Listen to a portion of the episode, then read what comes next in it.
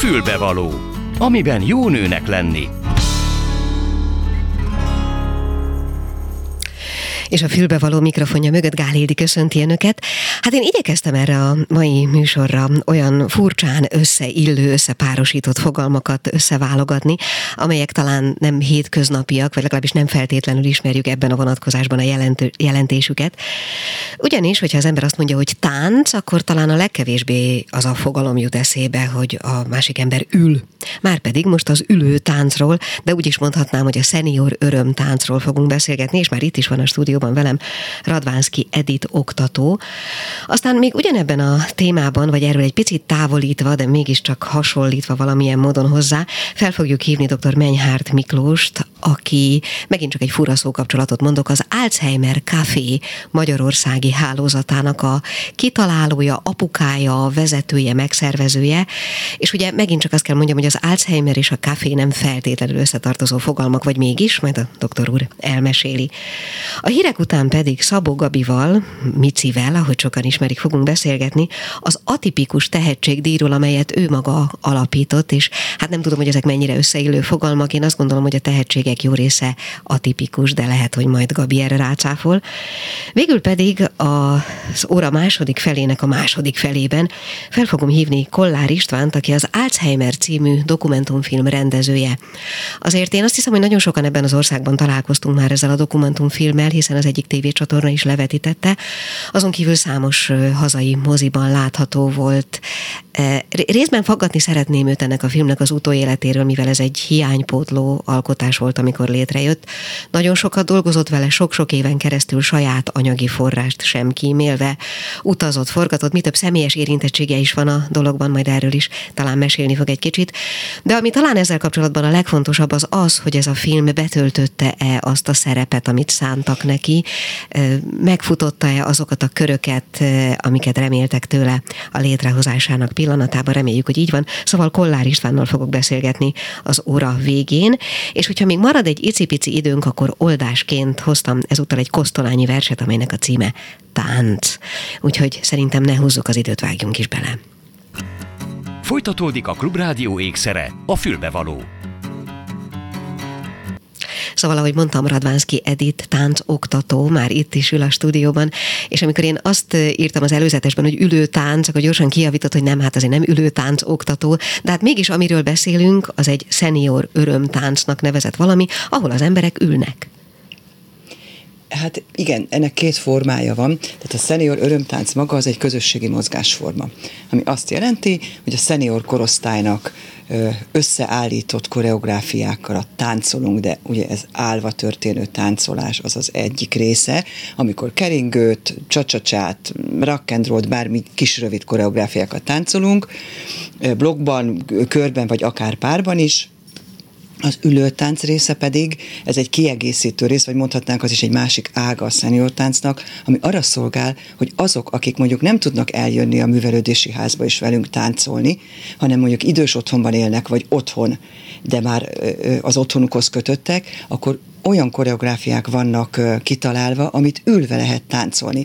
Tehát a kezével, a lábával, a fejével nagyon jól, nagyon jól tud csak egy picit keze, ke, nagyon jól kever egy közelebb a mikrofonhoz, oké? Okay. Okay. Igen? Tehát, hogy nagyon jól tud táncolni. Tehát ezek ugyanúgy keringő, vagy akár egy csacsacsa kialakított koreográfiákra, és akkor az oktató megmutatja, hogy először, hogy a zenét, hogy mire fogunk, uh-huh. mire fogunk táncolni, mondjuk az ülőtáncról beszéljünk akkor most, hogy mire fogunk táncolni. Ugye itt, ha például demensekkel foglalkozunk, vagy Alzheimeresekkel, akkor már a zene az, hogy hoz egy emléket uh-huh. az már felhoz valamit onnan lentről, amire valami dereng, valamire emlékszik. De ha ehhez még társul egy mozgás is, akár a karunk, karjukkal, akár a lábukkal, vagy összekötve. Ugye ez, ez egy agytorna is, mert hogy gondolkodni kell rajta, hogy mi miután következik, melyik a jobb kezem, melyik a bal kezem, jobb lábam, bal lábam, lent, fönt, elől, hátul, illetve ehhez még hozzá lehet mindenféle témákat is kötni a, a demens betegekkel kapcsolatban. Például, csak mondok egy példát, hogy van egy olyan tánc, ami egy ilyen almaszedéshez hasonlít, ez egy nagyon szép keringő zenére szól, és imitáljuk, hogy hogyan szedjük le az almát a fáról, hogyan rakjuk a kosárba, hogyan visszük azt el az asztalig és akkor mondjuk kirakunk a kör, körben ülünk, ez nagyon fontos, hogy az ülőtáncnál körben ülünk, tehát hogy mindenki lásson mindenkit, és középre leteszek egy tál almát.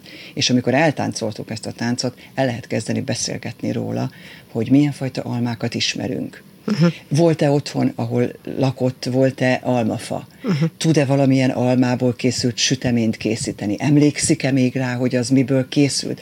Vagy hogyan örültek neki az unokák, amikor azt elkészítette? Tehát, hogy nagyon sok nagyon sok lehetőség van ebben az ülőtáncban uh-huh. a, a, azoknál, akik ugye az emlékezettel már bajban Hadilában állnak kicsit. Értem a, a fogalmat, hogy ülőtánc, értem azt is nagyjából, hogy szenior, de mitől öröm? Hát pontosan ettől, hogy körbe ülünk, hogy látjuk egymást. Jön egy zene, ami ugye ezek általában régi zenékre, tehát olyan zenékre, amiket ez a korosztály ismer régről, már a zenét, ha meghallja az ember, amúgy is ugye egy mosoly jön az arcára, na ha egymás mosolyát is látjuk, ezt csak így tudom érzékeltetni, akkor ha én mosolygok, mosolyog más is. Ha az oktató mosolyog, akkor mosolyognak általában a résztvevők is. És amikor, amikor ezt a kis rövid koreográfiát meg tudja csinálni, hát az egy őrült boldogság, hogy, hogy, hogy ő neki ez sikerült. Uh-huh. És nem kellett ehhez felállni, és tud még valami olyat csinálni, amit állva már nem tudna, de mégis megvan, az, vagy például a kerekesszékesek is tudják ezt. Uh-huh. Vagy például fogyatékkal élők nagyon jól tudunk fogyatékkal élőkkel foglalkozni ez ügyben, tehát hogy, hogy olyanok, akik mondjuk enyhén, enyhe fogyatékosok, ők akár még állótáncot is, és nagyon tudnak neki. Tehát attól öröm, hogy egy, egy körbe táncolt, egy körbe ülős dolog, és látjuk egymást, és, és örülünk annak, hogy, hogy ezt mi mind meg tudjuk csinálni. De egyébként ezt hány, hány helyen űzöd? Szanaszét az országban? Hát nem csak én, hanem most már kb. 200 oktató van szanaszét az országban, egy, egy szerintem egy, egy 80 településen biztos, de talán sokkal több. Ezt most így nem tudom megmondani, de sokkal több településen. És ugye ezek rendszeres foglalkozások.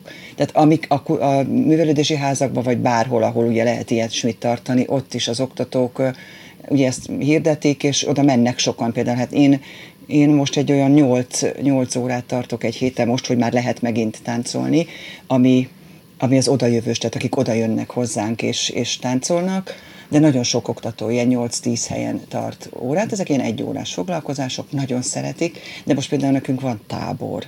Most megyünk másodikán egy tapolcára, egy tánctáborba, ahová eljönnek az idősek. Ez egy nagyon jó közösségépítő dolog is. De bocsánat, csak ez, az volt az első, ami eszembe jutott, hogy ilyenkor vajon az emberben felébred az a már el elalvó nőiessége, férfiassága is? Én úgy gondolom, hogy igen.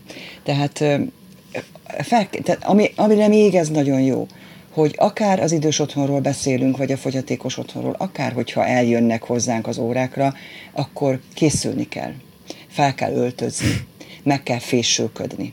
Uh-huh. Sokkal később szorul a társadalom támogatására is, aki valamit is mozog, de főleg egy ilyen közösséghez tartozik, mert akkor már bemegy a postára, akkor már esetleg a kisebb bevásárlás nem szól a családnak, hogy fizes be a csekkemet, hanem akkor már ezt is megoldja. Csinosan nézik, ugye azért figyel az ember rá, hogy, hogy a többiek mibe öltöztek, akkor én se jövök legközelebb nadrágba, hanem szoknyába a hölgyek, uh-huh. mert hogy szoknyába táncolni sokkal jobb. Uh-huh. Amikor először beszéltünk telefonon erről, akkor azt mondtad, hogy nagyon szeretnél erről hírtatni, mert ez na- nagyon fontos, és neked mindenképpen szenvedélyed. Létre is hoztál valamit ezzel kapcsolatban? Igen, igazából a, a létrehozás az, az is egy közös összefogás.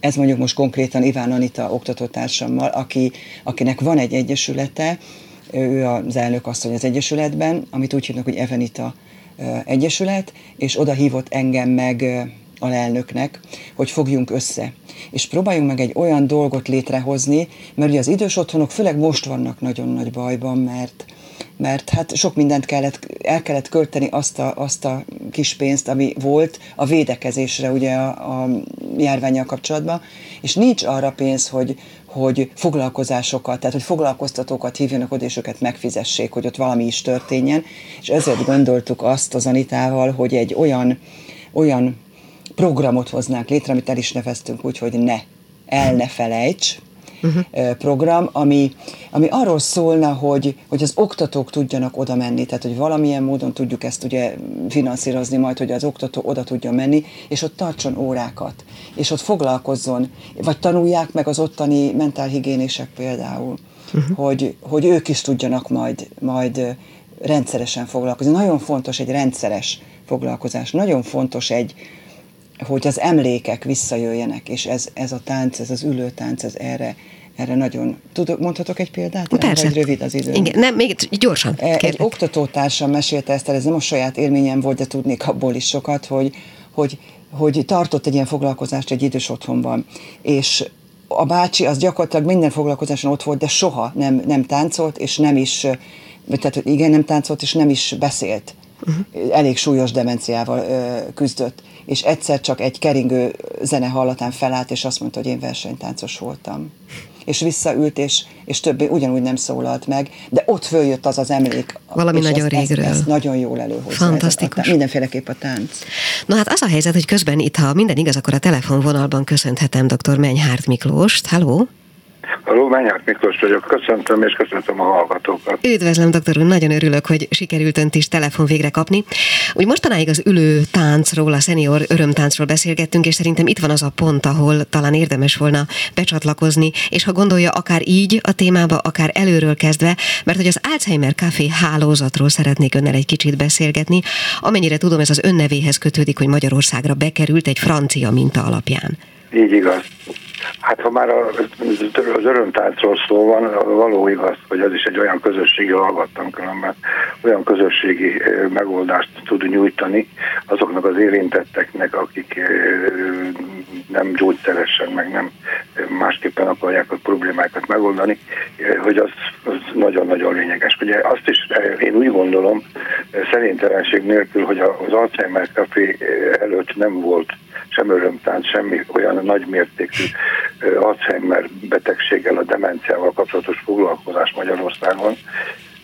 Én, én úgy gondolom, hogy 2014-ben hoztuk létre Magyarországon az Alzheimer Cafét, az elsőt, ő Győrben, utána egy fél év alatt követte öt Moson Magyaró, Ártatabánya, Pécs, ezeken a helyeken, és onnantól kezdve annyira elindult, hogy egy országos hálózat lett belőle az évek során, ezt az országos hálózat, ami összefogja most már az Alzheimer kapék, de azt tudni kell, hogy 2013-tól 2017-18-ig teljesen önkéntes módon szerveződött, hasonló alapelvek alapján mindenki a saját közösségének megfelelő lehetőségeket nyújtott arra, hogy a demens hozzátartozókkal foglalkozzanak. Igen, talán, az bocsánat, ez... A az a célja, és az a leglényegesebb dolog, hogy a betegeket és a hozzátartozókat, a hozzátartozókat különösen tudják támogatni, tudjanak olyan tanácsokat adni, amit máshol nem szerznek össze. Ez mind-mind azért fontos, mert ugye a demenciánál, az összes demencia fajtánál, mert azért tudni kell, hogy a demencia az nem betegség, hanem egy tünetcsoport, és különböző formái vannak az agyvérzés után, és demens alakul ki, amit éleredetnek nem akarok részletekben nagyon belemenni. Ez a vaszkuláris demencia, speciál tudom. Igen. Bocsánat, Igen. hallgatom. Igen, és tehát a különböző demencia formák vannak, amik közül az úgynevezett degeneratív demenciához tartoznak az Alzheimer kórnak a, a tünetei, tünetcsoportja, illetve a tünetcsoport az egy demencia, az Alzheimer kórban van, van nyilvánul meg az többek között, hogy a beteg milyen lesz. Na most, ami a legnagyobb probléma, hogy az Alzheimer kór az nem gyógyítható, nem ismerjük az okát, és kétféle szakmának, ha szabad így fogalmazni, ad olyan feladatokat a neurológiának és a pszichiátriának, aminek a megoldása gyakorlatilag lehetetlen. És ezért nagyon fontos dolog, az emberek tudjanak róla, hogy ez egy olyan betegség, ami, ami a világon mérhetetlen gyorsan terjed. A, a WHO 2019-ben, ha jól emlékszem, igen, 2019-ben népbetegségé nyilvánította, most már az első öt halálozási ok is a között is szerepel, mert azért általában idősebb embereket éri. Bocsánat, doktor úr, bocsánat, Igen. csak egy pillanat. Ennek az az oka, hogy ez népbetegségé lett és ennyire elterjedt, hogy egész egyszerűen tovább élünk? Igen, ez az egyik dolog az, hogy tovább élünk, a másik az, hogy most már tudjuk azt, hogy van egy ilyen betegség, van ilyen betegségcsoport, mert gondoljunk bele vissza 50-100 évvel ezelőtt, biztos, hogy voltak Alzheimer kórosak, falvakban, hogy az ember hallja az idősektől, a falu bolondjának hívták. Tehát megvoltak ezek a betegség valószínűleg, hát nem is ilyen nagy mértékben, de megvolt, csak akkor még nem volt diagnosztizálva. Tehát ahogy ön mondja, valóban az egyik nagyon lényeges dolog az, hogy az életkornak a kitolódásában. Az is egy fontos dolog, hogy az utóbbi húsz évben derült ki az, hogy ez a betegség mennyire súlyos a világon mindenhol, és Nyugat-Európában már, én Franciaországban dolgoztam, Nyugat-Európában már 15 éve ezzel a problémával kormány szinten foglalkoztak, és amikor én Franciaországban dolgoztam, a sárközi elnöksége alatt egy olyan országos kormányprogram indult be, ami pénzben és mindenféle támogatásban segítette azt, hogy az Alzheimer kérdést, a demencia kérdését közt, köztudottá tegye, mert ott, ott sem ismerték, megadta azokat a forrásokat, amiből lehetett fejleszteni az a képzést, a külön tantárgy jött létre, nagyon sok olyan dolog, ami addig nem volt. Magyarországon 2013-ig, amennyire én láttam, nagyon nagy probléma volt az, hogy ugye szakmailag sem, tehát nem, nem volt ismerete az embereknek.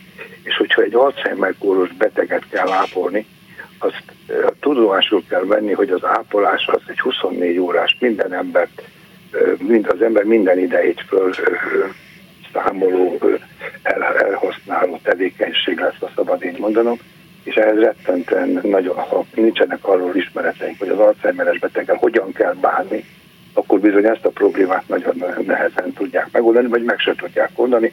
Bizony sokszor volt olyan, hogy az Alzheimer beteget ápoló ö, hamarabb ment tönkre, mint maga az Alzheimer beteg.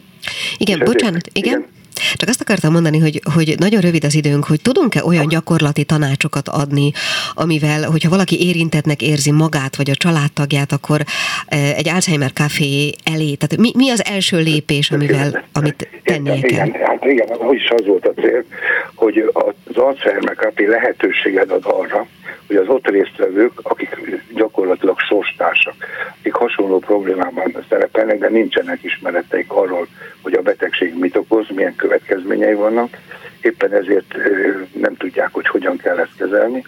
Azoknak egy olyan lehetőség, hogy közösségben egymás előtt nem szégyelve magukat, mert ne felejtsük el, az Alzheimeres beteg még 5-10 évvel ezelőtt is stigma volt, minden családon stigma volt és ezeket a stigma feloldást, bizony azokat az ismereteket, amit egymás között tapasztalnak, és ezen az arcsájkat miután szakemberek is részt vesznek, ki tudják cserélni a, gondolataikat, amiket most konkrét eh, megoldásokat nyilván nem akarok mondani, mert ez 40 óra lenne, jó túlzás, de igazából az nagyon ö, ö, fontos, hogy ott ebben a közösségben mindenféle stigma és mindenféle szorongás nélkül olyan ismereteket adjanak át egymásnak, és érezzék azt, hogy egy olyan közösséghez tartoznak, aki tud segíteni rajtuk. Ezeken az Alzheimer kafékon tehát az történik, hogy egy lehetőség van megbeszélni olyan dolgokat, amit másképpen nem tudnának, olyan ismereteket szerezni és egymásnak átadni, ami speciális ismeretek, és az is egy nagyon lényeges dolog, hogy ö, ö, tudják tudjanak ezekkel a dolgokkal úgy élni, hogy az ő életminőségük javuljon. Mert nagyon fontos, hogy az életminőség, életminőségét a, az Alzheimeres betegnek meg tudjuk egy kicsit javítani, de az életminőségét az öt ápolóknak is meg kell tudni javítani, és ezért gondolom én úgy, hogy az Alzheimer Café egy nagyon jó lehetőség arra, az időben bizonyította, hogy jó lehetőség arra, hogy az ebben szenvedő betegek és hozzátartozóik, de különösen a hozzátartozóik részére olyan lehetőséget ad, olyan ismereteket és olyan lelki lehetőségeket ad, amit máskülönben nem tudtak volna megszerezni. Doktor úr, mi az első lépés ahhoz, hogy az ember egy Alzheimer caféba bekerüljön, vagy ebbe a közösségbe? Egy orvosi diagnózis, vagy megkeresi az interneten, és elmegy nem, egy nem, találkozóra? Teljes, teljesen, ez teljesen más, ez egy alulrövő kezdeményezés, nem szakmai kezdeményezés. Franciaországban általában az orvosok kilépnek, és én már ugye miután ezt elindítottam, nagyon sokan az országban a szakmai vezetését, az osztálynak a vezetését civileknek adtam át, mert az a lényege, hogy ez mellett nyilván szakmai tanácsot adunk. Éppen ezért miután egy civil kezdeményezés arról szervezett, nem kell semmiféle ajánlást, nem kell diagnózis, aki úgy érzi, hogy ilyen betegséggel szenved a hozzátartozója vagy problémája van. De olyan is, akit nem, akinek nincs érintettsége, de érdekli a betegség, azok mind-mind az adott városban, az Alzheimer Caféban önként elmennek és bejelentkeznek, és végig részt vehetnek, aktív tagok is lehetnek. Hát én nagyon szépen köszönöm dr. Menyhárt Miklósnak ezt az interjút, és remélem, hogy sok hasznos információt mondtunk. Köszönöm szépen viszont hallásra. Én... És még egy gondolat erejéig hadd forduljak vissza Radvánszki Edithez, hogy amit a doktor úr mondott, az ugye nyilván te magad is élet tapasztalod, részt veszel ilyen foglalkozásokon, hogy a dolognak az az érzelmi része, ami támogatást jelent, amit a doktor úr most többször is hangsúlyozott a hozzátartozók számára, hogy a hozzátartozó képes legyen akár, tehát nagyon hosszú időn keresztül tulajdonképpen szünet nélkül gondozni ezeket az embereket. Ebben ti valamilyen módon tudtok-e segíteni? Hát ugye ez a nehéz kérdés, mert ugye neki is lenne szüksége kikapcsolódásra. De mikor? Igen. Ki vigyáz addig a hozzátartozomra? Ki vállalja el, hogy ott lesz nála? Tehát milyen jó lenne, ha ő is el tudna mondjuk egy ilyen örömtánc foglalkozásra jönni, és ott az az egy óra hosszat csak az övé lenne. Mert ugye amíg táncol, nem tud rá gondolni semmi másra, mert figyelni kell, és ugye mi következik mi után. Ez egy nagyszerű dolog lenne, de ez olyan szinte megoldhatatlan. Tehát, hogyha nem család, nem, tehát, nem egy egész család gondozza a, a demenst, hanem mondjuk egy személy, akkor ez, ez nagyon nehéz. Ám bár nagyon jó lenne, de Alzheimer kafék például ilyet is csinálnak, hogy egy-egy, egy-egy alkalom, hogy ez havonta egyszer van ilyen alkalom a kafékban, örömtánc oktatót hívnak, és akkor oda eljön a hozzátartozó, és ott egy kicsit megtáncoltatja őket, meg el is mondja, hogy esetleg otthon mit tudna csinálni a zene és a tánc erejével a hozzátartozónak. Az viszont már nagyon nagy segítség neki, Igazából. Hú, hát nagyon nehéz témáról beszélgetünk, és e, hamarosan következnek a hírek. Talán még csak annyit, hogy ha, ha ha ez a tánc, ez a zene valóban fölébreszt valami régi emléket, akkor talán elnyújtható az a romlási fázis is, amin, amin az embernek végig kell mennie, ha, ha övé lett ez a betegség. Igen, ha az övé lett, de nagyon fontos a megelőzés. Tehát ugye most kutatások ezt bizonyítják, nagyon sok kutatás, hogy a tánc az segít a megelőzésben, vagy legalábbis a későbbi kialakulásban. Tehát ezen van a hangsúly leginkább egyszer, hogy segítsünk nekik, akik akik már ebben szenvednek, egyszer, hogy megelőzzük. Nagyon szépen köszönöm, tehát Radvánszki Edith táncoktatót hallották. Mi kell a nőnek? Egy fülbevaló.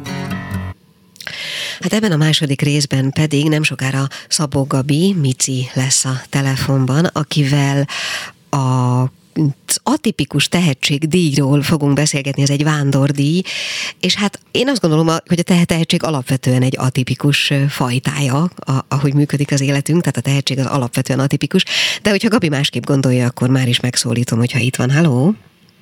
Itt vagyok, igen. Ne, szia. Szervusz, Ildikó, köszöntöm a hallgatókat Ugye azt mondtuk, hogy ma ilyen fura szókapcsolatokkal dolgozunk, mint hogy ülőtánc, meg Alzheimer café, meg atipikus tehetség.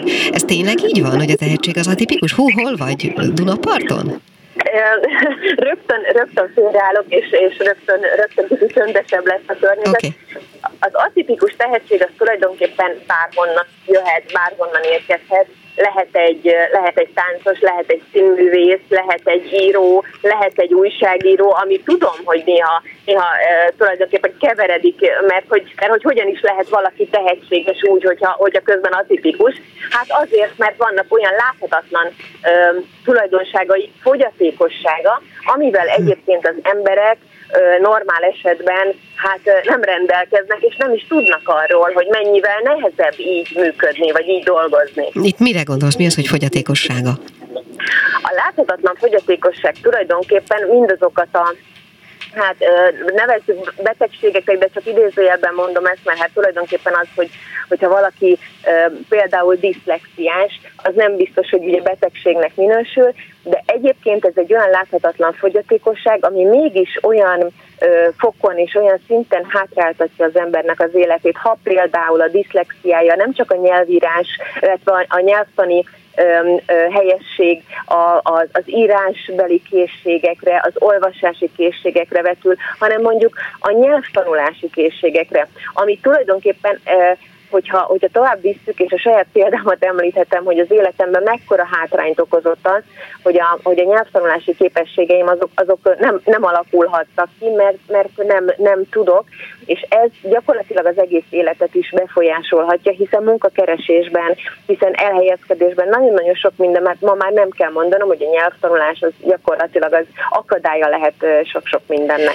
Várj egy picit, Gabi, bocsánat, csak hogy tegyük tisztába ezt az egészet. Te létrehoztál egy díjat, amit úgy nevezünk, hogy atipikus tehetség vándordíj, ami tulajdonképpen abból az tényből származik, hogy neked a diszlexiád, ami jóval később derült ki, akadályt jelentett mondjuk egy nyelvvizsga megszerzésében? Bocsánat, csak hogy, hogy jól értem-e?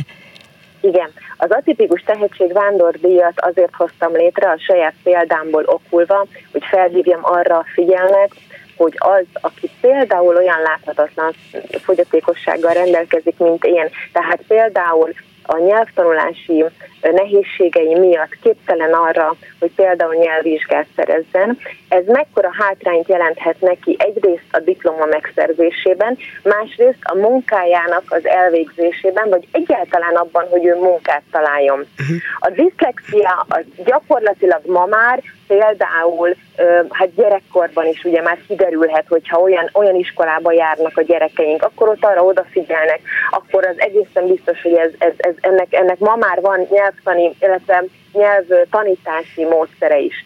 Az én esetemben ez nagyon-nagyon későn derült ki, és éppen ezért ugye én nem tudhattam azt, hogy a, hogy a diplomámat is ugye a, a, a nyelvvizsga megszerzése gyakorlatilag olyan szinten fogja akadályozni, hogy, hogy erre, erre nagyon-nagyon későn kerülhet sor.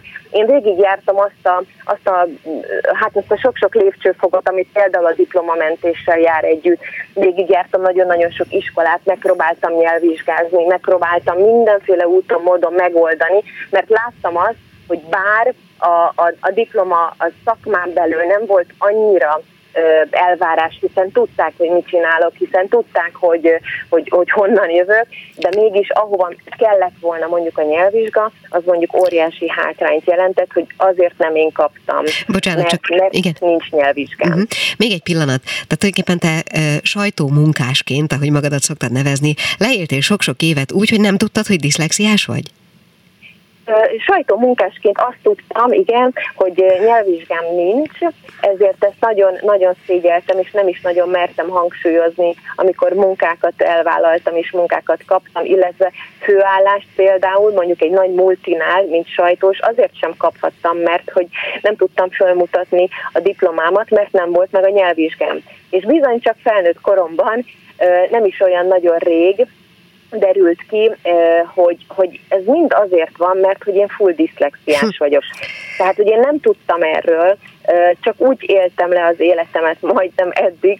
Az elmúlt mondjuk öt évvel ezelőtt kezdődött talán ez az egész mizéria, amikor, amikor a végére tudtam járni, mert már túlestem a diplomamentő programokon és mindenen. Amikor kiderült a Felnőtt Diszlexia Központ vezetőjének a segítségével, aki egy pszichológus is egyben, és mindenféle vizsgálatokat és hivatalos orvosi vizsgálatokat is végig kellett csinálni ahhoz, hogy én egyáltalán megtudjam azt, hogy azért nem tudok nyelvvizsgázni, azért nem tudok neki futni már 136-szor, és semmilyen nyelvnek, mert nem is fogok tudni ebből, ebből a körből ki, kijönni, mert hogy full diszlexiás vagyok. Értem. És, mm-hmm. és az egyetemnek is ezt bizonyítanom kellett. És ez a díj, ez, ez egyáltalán hogy jutott eszedbe, és e, ugye tudom, hogy most már van díjazottja is ennek a vándordíjnak. Igen. Igen.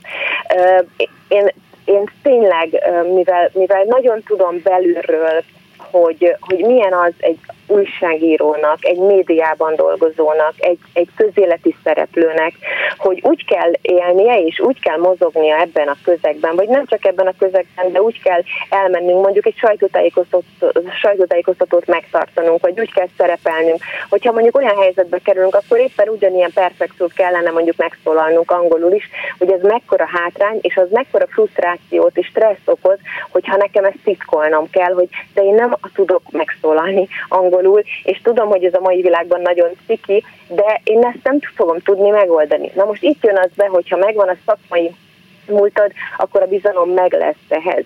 És miután én ezt végigjártam, rájöttem, hogy ez díjazandó, hogy aki mégis ebben a szakmában, vagy egyáltalán a művészek közül, mint például a Keresztes Tamás, aki hát egy zseniális színművész, és, és azt gondolom, hogy olyan szövegmennyiséget, aki meg tud tanulni, olyan, olyan, olyan, olyan színészként tud dolgozni, mint például a Keresztes Tamás, és, és mindezt fel is vállalta, hogy, hogy ő ezt megosztja velünk, hogy ő pont ugyanabban a cipőben jár, és ennek ellenére ő a saját területén ö, olyan maradandót tud nyújtani és alkotni, és úgy tud dolgozni. Én úgy gondoltam, hogy nekünk példát kell mutatnunk, vagy erőt kell adnunk azoknak, akik mondjuk ezt szégyellik, és mondjuk, mondjuk nem merik felvállalni. És hogyha mi erre felhívjuk a fegyelmet, hogy ez egy létező probléma, akkor ezzel egyrészt a munkaadóknak is szeretnénk utat mutatni, hogy bizony létezik nyelvvizsga nélkül is tehetség, és bátran bízzanak meg bennük. Másrészt azoknak, akik nyelvvizsga nélkül is kiválóak, ez ne bizonytalanítsa el őket, mert ettől még a nyelvtudásunk nélkül még én azt gondolom, főleg Magyarországon magyar nyelven kiválót lehet alkotni, úgyhogy ez a díjnak a, fő és legfőbb célja, hogy ezt én tovább vigyem. Uh-huh. Mond, ahhoz, hogy igen, valaki ezt a díjat megkapja, ahhoz milyen láthatatlan fogyatékosság kell? Csak a diszlexia lehet jó, vagy bármi más is? És nyilván a maga területén való mm, komoly helytállás.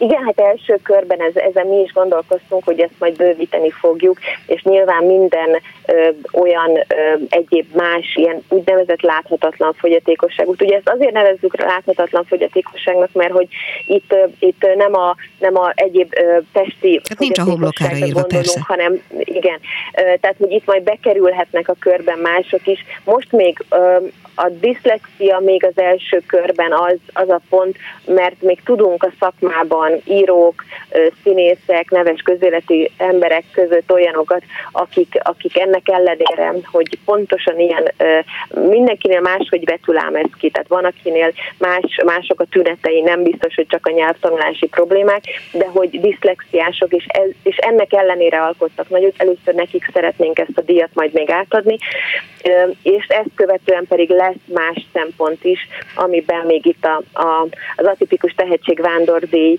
szakmai bizottsága, amiben, ahogy említettem, a felnőtt diszlexia központ a partnerem, ő, ővelük fogjuk eldönteni, hogy hogyan ö, díjazzuk és méltatjuk majd ezeket a kiválóságokat. De ha már itt tartunk, akkor azt még hadd kérdezzem meg, hogy mi jár ezzel a díjjal az elismerésen túl?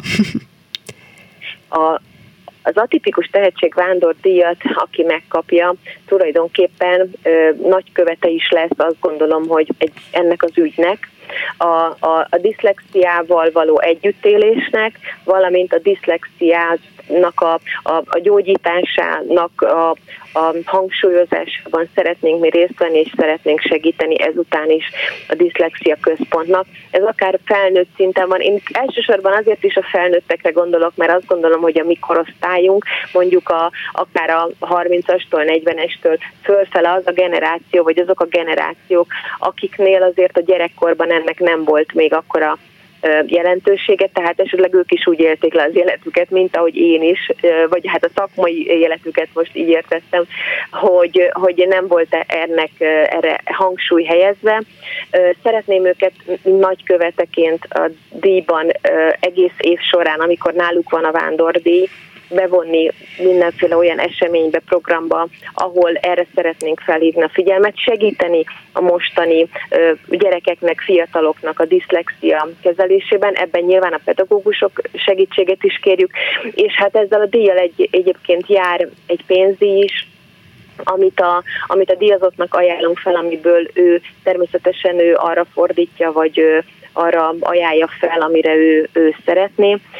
Én nekem mindenképpen az a célom, hogy hogy a, a, diszlexiáról kicsit másképp beszéljünk, mint, mint ahogy eddig, és, és a nyelvtanításra, illetve a nyelv a nyelvhasználatnak a fontosságára olyan szempontból szeretném felhívni a munkáltatók figyelmét, hogy amikor például kiírnak egy pályázatot, és, és ott a nyelvvizsgát követelik, legyen ott mellette minden egyes ilyen munkakínálatnál egy olyan pont is, hogy, hogy ha nincs nyelvvizsgája, akkor van-e ennek valamiféle bármilyen orvosi vagy bármilyen egyéb más ö, oka, amivel ezt igazolni tudja, hogy egyébként pedig a szakmai referenciáit számításba lehessen venni, és az esetleg elnyomja ezt a, ezt a hiányosságot, vagy szóval, hogy egyáltalán felhívjuk erre a figyelmet, hogy attól még nem kellene kidobni az ablakon egy pályázat pályázatot egy, egy munkára, egy, a jelentkezőnek egyáltalán a, a kérdésessé tenni azt is, hogy, hogy most jelentkezzen vagy ne jelentkezzen. Én számos ilyen munkával találkoztam az elmúlt években, ahol azt megnéztem, hogy nagyon jó példát tudok erre még gyorsan mondani, nagyon kiváló magyar cég meghirdetett egy sajtós állát, sajtóreferensi pályát, és én például jelentkeztem, és azt mondták, hogy minden nagyon szuper, tulajdonképpen itt kellene is, vagy hát jó lenne, hogyha értenék is a feladathoz, de, de hát van egy nyelvvizsgám. Mondtam, hogy nincs hát azt mondták, hogy jó, akkor inkább fölveszünk egy mindenféle szakmai tapasztalat nélküli, most egyetemről kikerült fiatalt erre a munkára, aki ugyan nem tudja, hogy mit jelent az, hogy sajtóreferens munka, de neki van nyelvvizsgája. Hm. Ehhez és emiatt tettem én fel azt a kérdést, hogy ez már akkor felülírja a szakmai tapasztalatot, a szakmai uh-huh. referenciákat? Tehát, hogy akkor ő hogyan végzi el a munkát? Tehát én nagyon örülök, hogyha a fiatalok kapnak munkát. Nekem is van egy 23 éves fiam, és tudom, hogy nagyon jól beszél angolul, de nem biztos, hogy ő meg tudná csinálni azt a szakmai munkát, amit én 30 év alatt már csináltam. Tehát, hogy, hogy ezeket talán mérlegelni kellene a cégeknek, amikor a nyelvvizsgához kötik, és a nyelv, mert én dolgozom nagykövetek külföldiekkel egyébként nagyon sokszor kaptam olyan munkát, ahol külföldiekkel kellett, és és odahozták nekem a, a tolmácsot, és odahoztak minden megoldást, csak én végezzem el a munkát. Na, nagyszerű, nagyon szépen köszönöm, ezt tökéletesen körbeírtad, és kerek volt ez a beszélgetés. Nagyon szépen köszönöm még egyszer, Szabó Gabi Micit hallották az atipikus tehetség vándordíjról. A Klubrádió női magazinja tényleg fülbevaló. És már is köszöntöm a vonalban Kollár István filmrendezőt, az Alzheimer című dokumentumfilm rendezőjét. Halló! Szia, Szia. üdvözlöm a hallgatókat. No, hát akkor egy picit csatoljunk vissza a ma már elhangzottakhoz. Beszéltünk örömtáncról, itt volt Menyhár doktor úr, és beszélt az Alzheimer kávékról. Te pedig, és én ezt elmondtam a bevezetőben, létrehoztál egy olyan dokumentumfilmet, ami nagyon-nagyon sok évig készült, sok személyes tapasztalat, sok utánajárás, és nagyon sok saját pénz van benne, viszont most már azért az országban számos helyen levetítették moziban, televízióban is, mi több még az Oscar díjra való nevezés, magyarországi nominálás is fölmerült ezzel a filmmel kapcsolatban. Hát igen, sok minden felmerült ezzel a filmmel kapcsolatban. Hát öt évig készült ez a film, ez tény, és az is tény, hogy saját pénzből. És az is tény, hogy én teljesen véletlenül csöppentem bele ebbe a, hát mondjuk úgy, hogy világba, mert sajnos mind a beteg, mind a, a hozzátartozó, aki gondoz valahogy egy ilyen, ilyen más fajta világban él, egy, egy sokkal beszűkültebb és hát hogy mondjam, elszigeteltebb világban. Úgyhogy én is teljesen véletlenül kerültem bele, és ahogy, ahogy haladtam a, a kutatásaimban, hogy ebből hogy lehetne filmet készíteni, és hogy mi is legyen a célja ennek a filmnek, úgy találtam azt ki, hogy itt igazából én egy hat részes ismeretterjesztő filmet szeretnék csinálni, tehát az eredeti terv az ez volt, csak mivel ezt senki és semmi nem támogatta meg a készülés szakaszában, akkor döntöttem úgy, hogy akkor lesz egy ilyen nulladik rész, egy ilyen első film, ami hát félig dokumentumfilm, félig pedig ismeretterjesztő, és ez, ez pont azért alakult így, mert, mert a film célja az lett, hogy hogy e, első és legfontosabb cél, hogy beszéljünk erről, hogy ez a betegség van, a másik pedig e, terjesztünk ismereteket, foglaljuk össze mindazt, amit, azt a keveset sajnos, amit tudunk erről a betegségről, amit tudnia kell egy hozzátartozónak, meg amit tud egy, egy orvos, vagy hát sajnos fogalmazhatok így, hogy amit tudnia kellene egy orvosnak erről, meg amit tudnak a kutatók, ugye hogy hol a... tart jelenleg a kutatás. Ugye ezt a filmet, bocsánat, ebből, István, bocsánat, tehát ezt a filmet ugye úgy vetítitek, hogy mindig követi valamiféle beszélgetés, ami szintén ennek az ismeretterjesztésnek a része. Pontosan, mert így menet közben rájöttünk, egyébként tévé nem játszott le ezt a filmet. Bocsánat, Ez, akkor tévedtem, azt hittem. Mozikban ment, és uh-huh. egy ilyen online TK-ban volt kivel, uh-huh. látható, hogy mi ez kikölcsönözhető okay. ez a film, de már nem mert hogy menet közben mi rájöttünk, ez pont a mozis vetítések kapcsán volt, hogy ahova mi elmentünk, éppen egyébként dr. Menyhárt Miklóssal, akivel ti is beszélgettetek, okay. ott jöttünk rá, hogy jó ez a film, meg nagyon jó, hogy látják nyilván legfőképp a hozzátartozók, bár ez sem teljesen igaz, mert a mozi fele az nem volt, hogy mondjam, közvetve érintett, igen. kapcsolatban ezzel érintett, így van. Uh-huh. És rájöttünk arra, hogy, hogy a, a film után sokkal inkább lesznek kérdéseik az embereknek. Tehát magyarul a, a film ismerete nélkül nem is tudják, hogy mit kérdezzenek. Uh-huh. És a film után jönnek elő azok a nyilván személyes kérdések, amiket, amiket ott hirtelen feltenne valakinek, és nagyon jó, hogy ilyenkor ott van egy szakember. És uh-huh. ezek a beszélgetések egyrészt jó hangulatban vannak, egy picit a filmnek ezt a nyomasztó és nagyon sűrű uh, információ áradatát, ezt picit fel kell oldani, meg kell magyarázni, tudni kell beszélgetni róla, és akkor rájöttünk, hogy ennek így van értelme, vagy így a legjobb, hogyha látják a filmet, és utána pedig tudunk róla beszélgetni. És akkor mi kitaláltunk Miklósra egy ilyen programot, és hát tavaly már elkezdtük járni az országot, aztán ugye a, most már a sokadik hullám mindig keresztbe tett nekünk, de most újra elindulunk mm-hmm. talán. István, Igen. bocsánat, a, azokkal az emberekkel, akikkel a filmben beszélgettek, ö, nyomon követted a további életüket, van ugye olyan közöttük, aki már nem él azóta, ugye? Hát ö, sajnos ráadásul egy friss ír, hogy ö, fogynak. Sajnos. Ö, igen, tehát a, a, mind a betegek, mind a családtagokból sajnos halálozott el itt akár a Covid miatt is, mm. tehát ö, igen, de a három, három beteg, akinek a családját követjük, ott már kettő nem él, aki a filmben van.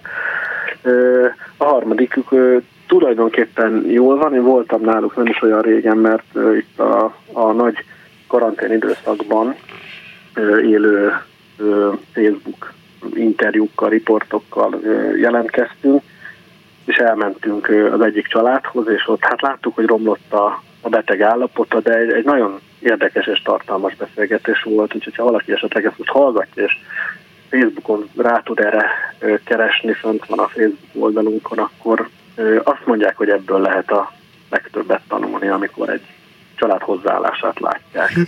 Isten, amikor ezt a filmet elkezdett csinálni, akkor nyilván volt egy célod, meg talán elmondható, hogy volt egy személyes érintettséged is. Elmondható? Elmondható, de az közben jött. Tehát mm. ez, a, ez a sorsnak egy nagyon ura és, és gonosz humora igazából, hogy én akkor már évek óta készítettem a filmet, amikor anyukámnál diagnosztizálták ugyanezt a betegséget. Nyilván ez, ez aztán nekem onnan lendületet, erőt adott ahhoz, hogy ezt befejezzem. És a film szempontjából egyébként jó is volt, mert, mert belülről is sajnos láthattam mindazt, amiről beszélek, tehát nem, nem kívülállóként a pályaféléről kiabálok be, meg mint egy újságíró, aki egy ilyen jó szaftos sztorit látott ebben, hanem, hanem talán sokkal méltóságteljesebben tudtam bemutatni ezt a filmet, mert hogy tud, tudom, akiknek készül, hogy ők miben vannak benne, vagy mivel lesznek benne. Uh-huh.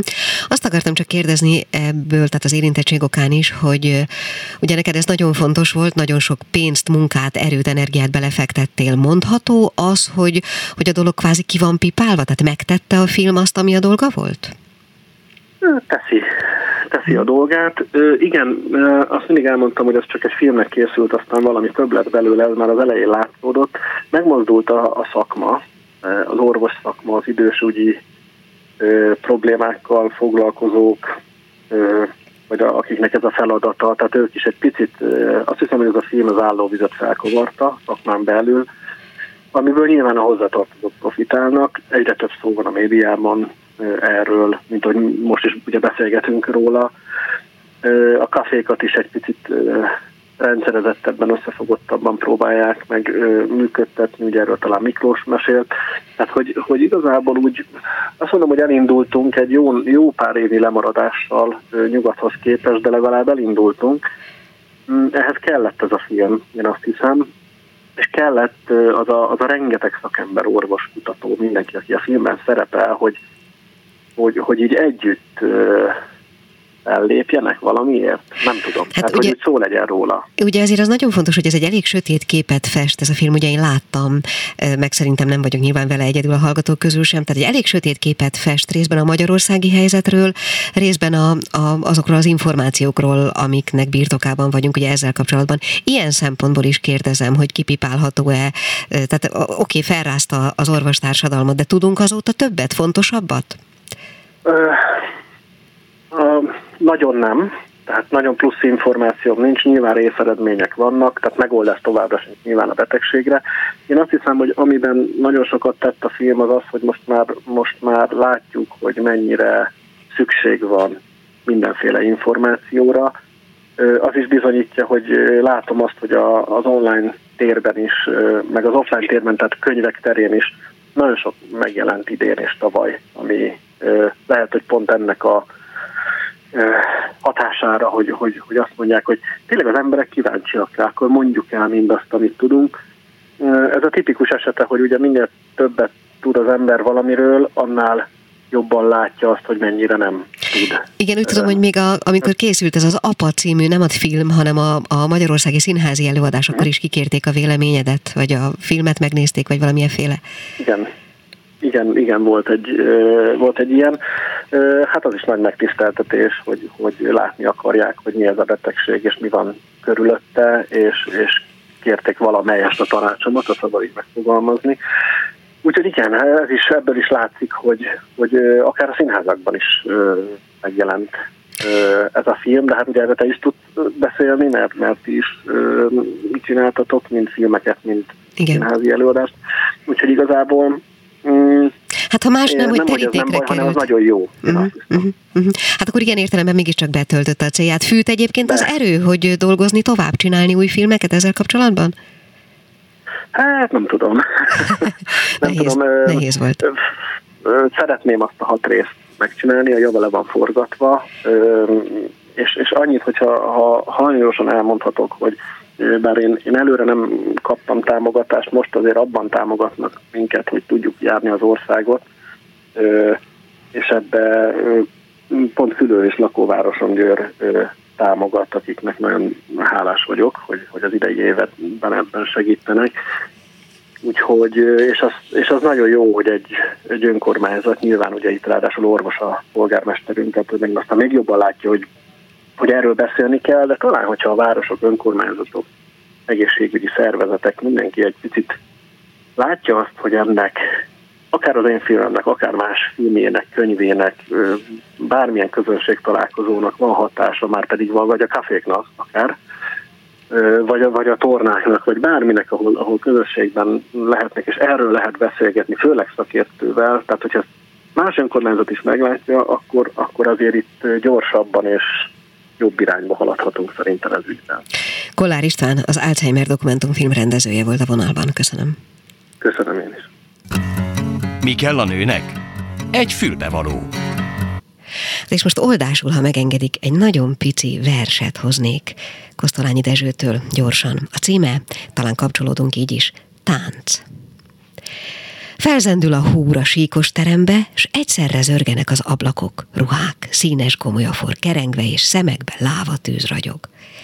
Pihennek a láztól a női mellek, erős kezekben égnek a kacsók, és a tükörnél Ciprus árnya mellett acél erővel csattan el a csók. A vágtató tánc vadrohamba nyargal, repül a nő a sápadó lovaggal, szemükbe lóg kuszált sötét hajuk s amíg a kurjantások árjazóg, a padlatot söpörve megjelen, a tánc múzsája félig mesztelen. A Klubrádió női magazinja tényleg fülbevaló.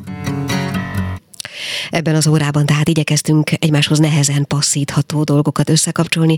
Remélem sikerült, beszéltünk ülőtáncról, Alzheimer kaféról, atipikus tehetségdíjról és az Alzheimer című dokumentumfilmről is. Tartsanak velünk jövő héten is. Tisztelettel köszöntöm Önöket. Gálildit hallották, a technikusunk Bíró Kristóf, a telefonosunk pedig Ricsovics Kinga volt viszont hallásra. A Klubrádió nem csak nőknek szóló magazinját, a fülbevalót hallották.